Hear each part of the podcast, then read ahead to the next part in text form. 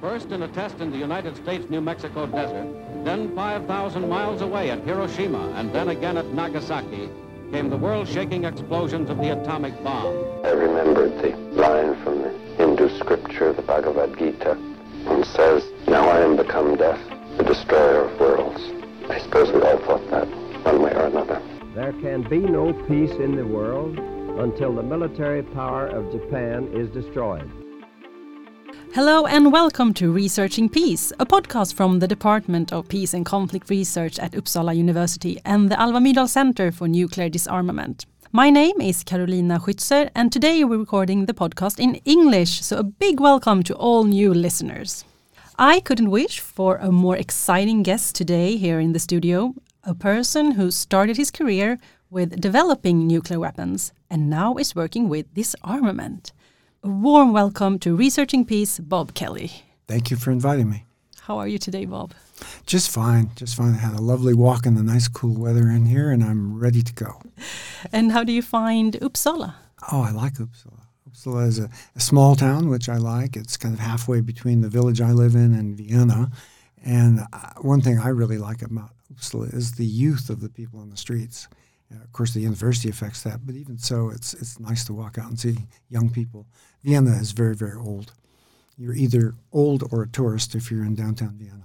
So you live in Vienna, but you are originally from the States. We can hear by your Yeah. accent. Definitely, definitely. I've spent most of my life in New Mexico and California, which are wonderful states in the West. If you ever go to the United States, go to the West. Skip New York and Florida. You have had a very unusual career with a lot of extraordinary stories from Iraq, Egypt, Burma, South Africa, and many more countries, right? A large number, I forget how many at this point, probably 50. Yeah. Uh, let's take it from the beginning so we all will understand your story. Tell us how it all began when you started working on building nuclear weapons. Well, building is maybe too strong a word. I was doing research and working on nuclear weapons.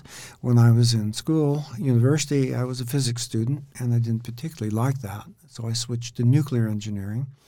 Nuclear engineering I thought was great fun. I was using physics for real reasons. At the, my time in graduate school, the Vietnam War came along, and they were very anxious to uh, draft me and send me to Vietnam to kill people, and I didn't really want to do that and I happened to find a job with the Lawrence Radiation Laboratory in California, and one of their main purposes is to develop nuclear weapons. But what happened for me is they employed me as a reactor supervisor, or training as a reactor supervisor, for the largest pulse reactor that was ever built in the world, and it was actually in Nevada, and it was a wonderful job for a 21-year-old to be playing, as we say, tickling the tail of the dragon with this reactor. It was very, very interesting. Say that again, tickling the. Tickling the tail of the dragon is what that's called. You actually take a reactor and you you push it to the point where it's just about to explode, and this is happening in milliseconds, and then the whole thing stops because you do it right. That's fun. That's fun. That's been going on since the um, middle 1940s. Did you have any thoughts about uh, the ethics of uh, being a part of nuclear weapons? I think it was very clear to young Americans at that time that um, nuclear weapons were part of the deterrent posture of the United States and uh, were a very important thing to have. So it was kind of pride. There was a great deal of pride of working for the Atomic Energy Commission on any of the things they did, whether it was nuclear submarines, reactors, uh, nuclear power, or nuclear weapons. Atomic Energy Commission was very, very highly viewed. As time went on, you began to wonder um, more, more from the point of view we used to say to each other, you know, these things are never going to be used anyway, so why are we working so hard to to make them reliable? Help me, which year are we talking about? Uh, I started in Nevada in 1968, 1968, and I worked with um, the laboratories in developmental kinds of activities until 1980, and that's when I shifted over to intelligence.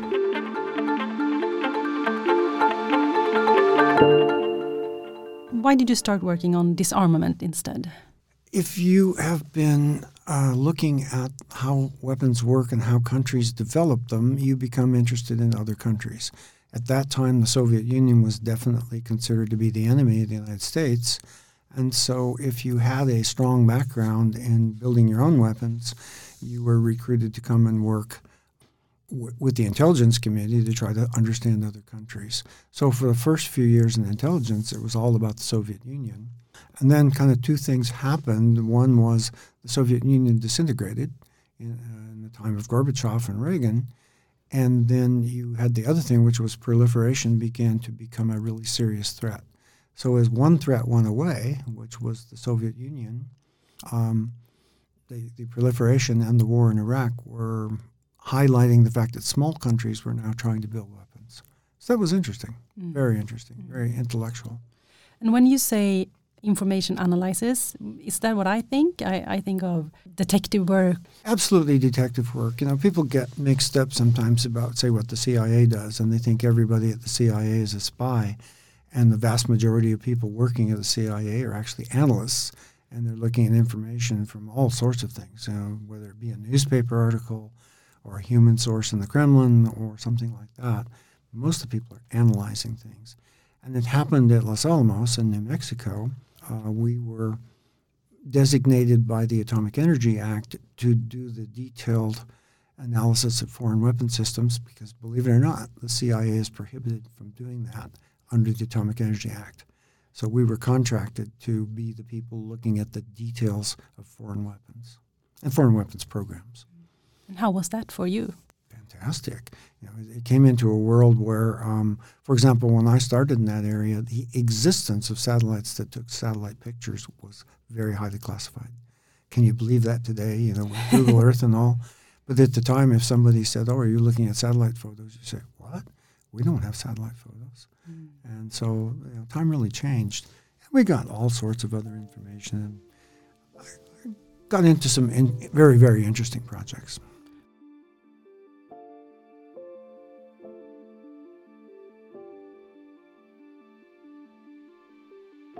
Was it ever dangerous for you? Oh, not at all. We're analysts, okay? We're analysts working primarily in an office environment. Probably the biggest concern was flying back and forth to Washington too often.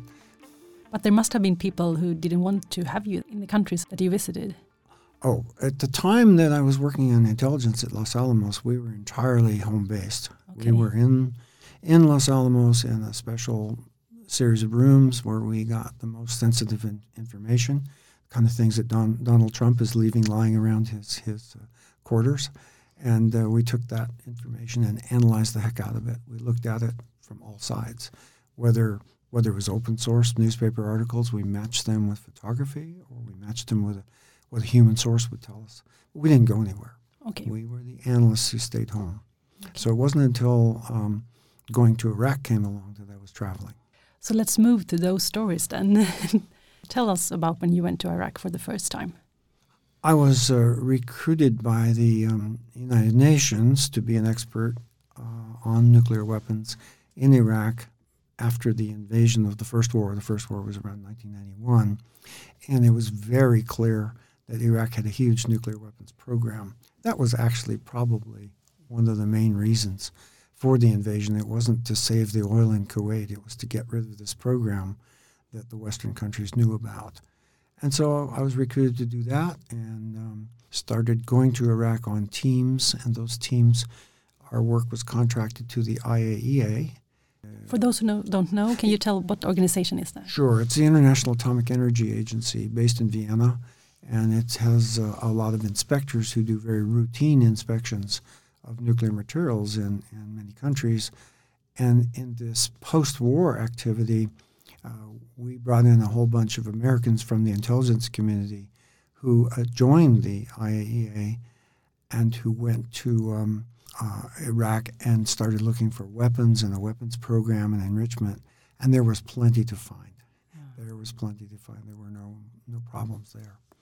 And so that process, I was, they liked my performance when I was loaned to them. And so after I think three visits to Iraq, the IAEA actually hired me, and I became the deputy director of the um, Iraq inspections. How was it to work on the field there? Very interesting. The conditions were often not very pleasant. It's a dirty, dusty, hot country. Um, you asked about danger earlier. The biggest danger we ever faced was riding in buses and cars uh, in Baghdad. the conditions were terrible. I remember the tires on the buses that we used and the broken windscreens and things. But it was also very stimulating, and I think virtually every person I can think of who went on one inspection raised their hand and said, I want to go on the next one and the next one because you were constantly finding things. And for about the first two years, uh, there was an awful lot of discovery going on. And that was in the field. That was, in at least one case, I wasn't on the trip, but um, they broke into buildings and stole documents in the middle of the night from the Iraqis. And the Iraqis didn't like that very much. Wonder why. well, it was very useful because a couple of the documents that they stole, they got about 2,000, but two of them described the nuclear weapons program in great detail. They were internal documents saying, we're doing this, we're doing that. And from that point on, then we were able to pressure the Iraqis uh, to do what we wanted them to do. How did it feel for you to be part of this big things going on?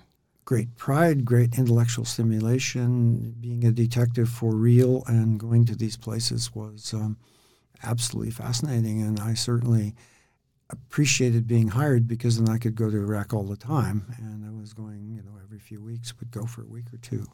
So yeah, it, it became life, and it was a very interesting life. I mean, one thing that I got to do after just about a year, the Iraqis were lying to us about so many things about their weapons program. There was a big facility, and we knew it was a weapons plant. I had analyzed what was going on in the place and all. I had help from other people. And my boss told the Iraqis, if you don't stop lying, we're going to blow it up. And um, wow. yeah, and the Iraqis lied one more day. And I remember coming to a meeting with the Iraqis one morning, and it was a Sunday morning, and boss said, okay, you've lied one time too many. Bob's going to blow it up. And uh, we got the Iraqi army came in under our supervision and mined these very large buildings. I mean, as large as your main university buildings, uh, and blew them up. And they were no longer useful after that. And, and then we took the equipment that they'd been using in the nuclear weapons program, and if it was the right size, we would run a bulldozer over it or something like that. So that it was ruined forever, could never be used again. And the Iraqis were surprisingly cooperative at times over that. I think many of the scientists we were working with knew that we were scientists also, and we all understood each other, and they understood that what they were doing was wrong. So there's some camaraderie built up. And when you look back on this today, do you still feel only pride, or do you feel something something more? I feel tremendous frustration because we discovered the in the first Gulf War we discovered their program and we destroyed it. It was completely destroyed, and everybody agreed, including the CIA. And then the events of 9 11 came along, and George W. Bush decided to blame it on Saddam Hussein, which wasn't true. And then he needed an excuse, so he invented a whole bunch of excuses that Iraq had a new nuclear weapons program. And we had been out of the country for several years because there was nothing left to do. We went back into the country for a period of some months.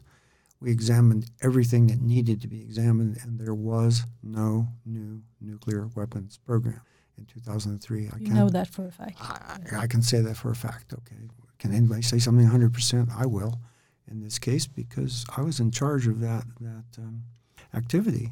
There was nothing there. And I, I, can remember even a week before we had to leave, we were told you need to leave now because we're going to start bombing next week. Um, but the last things that we were doing there were very cooperative with the Iraqis that's another thing that you run into is there'll be people in Washington and, and in the media who will say the Iraqis always lied, the Iraqis always impeded you. The people who are lying are the people who say that because we in the field were getting tremendous cooperation. Iraq was hoping we could prevent another war. They, we failed together. So yeah, great frustration at the misuse of information or ignoring information that we produced.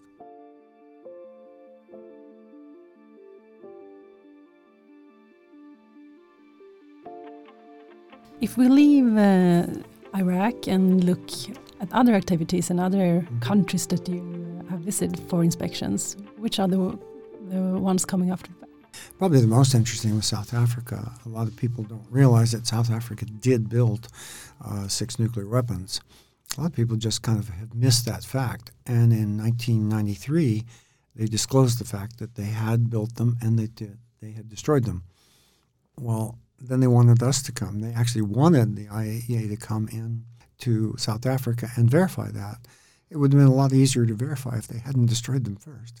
And so we had to go because of the security aspects of it, it was the, the, nuclear weapon part of it was entirely my business. I was the one person looking at nuclear weapons and what they had done. And we had a lot of other people on the team who were looking at the production of uranium for those weapons. And at the end of not a great long period of time, it was pretty easy using documentation and visits to sites for us to believe that. To believe that. Which year is it now? That was 1993. Okay. And it was all done within one year, and it was unlike Iraq, which involved uh, hundreds of people in the nuclear, and, and we were also there looking at missiles and chemical weapons, uh, probably thousands of people in Iraq for a number of years. South Africa was cleaned up in, in terms of person days, I know, 50 days in the field and, and some analysis. It wasn't that hard. And there, that was very exciting because – unlike Iraq, who was failing to build a, a, proper nuclear weapon, the South Africans had succeeded. And so it was very interesting to see what they had done. These inspections, is there a way to explain very easily how you do it?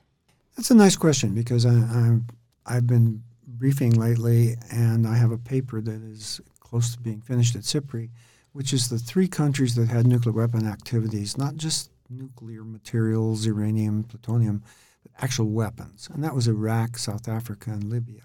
They're all extremely different, completely different because the mandate for even going to the countries was different. So in the case of Iraq, they lost the war. So we had tremendous power. In the case of South Africa, they invited us to come to show they were clean. Completely different way of working, and they were extremely cooperative because they wanted us. And Libya was kind of in the middle. Libya had imported all this stuff for uh, gas centrifuges to make uranium, and they had some drawings of a nuclear bomb that they'd acquired from Pakistan. And so our job was to go there and first get those drawings back and then see what they had done to implement that process. All of these were very, very different. And when people say, oh, you disarmed that country, therefore you can do it again, the answer is there are a lot of reasons to say the next one will be different too.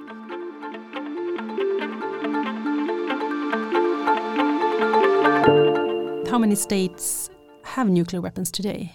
The important answer to that is there are the five designated states, which right. happen to be the P5 of the Security Council. It's almost a coincidence. Can you list all the countries for us? Oh, yes, certainly. Um, in alphabetical order, Lizzie, it's China, France, uh, Russia, UK, and the US. Right. Okay, but I think there is 100% concurrence that there are four other countries Three of them have conducted nuclear tests and brag about it, and that's Pakistan, India, and DPRK, North Korea. And Israel uh, has this policy of not declaring its nuclear weapons, but if you don't know they have nuclear weapons, you haven't been paying attention. They clearly have them. So you have those four states, and those four states have a special place in the nonproliferation regime. They don't get inspected nearly as much. They get away with a lot more things. And if the big states, the P5 states, are for the most part actually still disarming. They're they're slowly disarming, although the Ukraine problem casts that into doubt. But those other four states, we don't know as much about them, and it's clear that Pakistan will soon have more nuclear weapons than the UK, but they're not a nuclear weapon state under the Non-Proliferation Treaty. Which countries do you think could be a risk for proliferation? I knew you were going to ask that. Um, I, I, have one favorite country, and I don't think it's appropriate for me to say it here because it's suspicions of things that I see, and when I believe that either there isn't a problem there, I'll say so, and if there is a problem, I'll say so. I've actually published in the Jane's magazines some indicators I'm worried about. Other than that, um, if we look, for example, at Iran, a lot of people are worried Iran is developing weapons. I would argue that Iran is doing everything it can to not build a nuclear weapon. And they just keep getting forced into corners by the world community that said, everything you're doing is not enough. And so Iran kind of gets upset, and because of national pride, they take another um, step that is very, um, very provocative, and it doesn't actually lead to a more likelihood they'll build a weapon, but it, it upsets the national international community. Mm. And there are a lot of people in the international community who want to find proof that Iran is building a nuclear weapon, and if they have to make that proof up, they'll do it. Why? Iran is seen as a very major player in the Middle East, and because of cultural issues, they're kind of by themselves. They don't fit in with the countries around them, uh, whether those countries are are Muslim or Jewish or whatever. They kind of stand out because they're a different culture, and so an awful lot of people want to crush Iran to make sure that they don't become the dominant power in the region. So if you can use the nuclear weapons program as a, a reason to crush them, it's a good one. And, and believe me, Iran is doing a lot of things with missiles and terrorism and all that are very, very undesirable. But I think the actual core of a nuclear weapons program in Iran is not real. I don't think it's real. In, let's say, 10 years, where do you think we will be then? Really hard. I, am concerned that China is showing a great deal of interest in increasing its nuclear weapons program, maybe to be on a par with Russia and the U.S. So that could be a, a really bad U turn in the um, Perm 5 uh, situation. I don't think we're going to be able to get rid of the weapons easily in those four states that are not part of the Perm 5, but maybe we'll have some progress there. Uh, we'll see if we can work on them. I think North Korea is one that maybe we could uh, convince to back away from their nuclear program. Bob Kelley, thank you so much for joining Researching Peace. It has been an honor having you. It's been great fun to talk to you. Good luck. Thank you.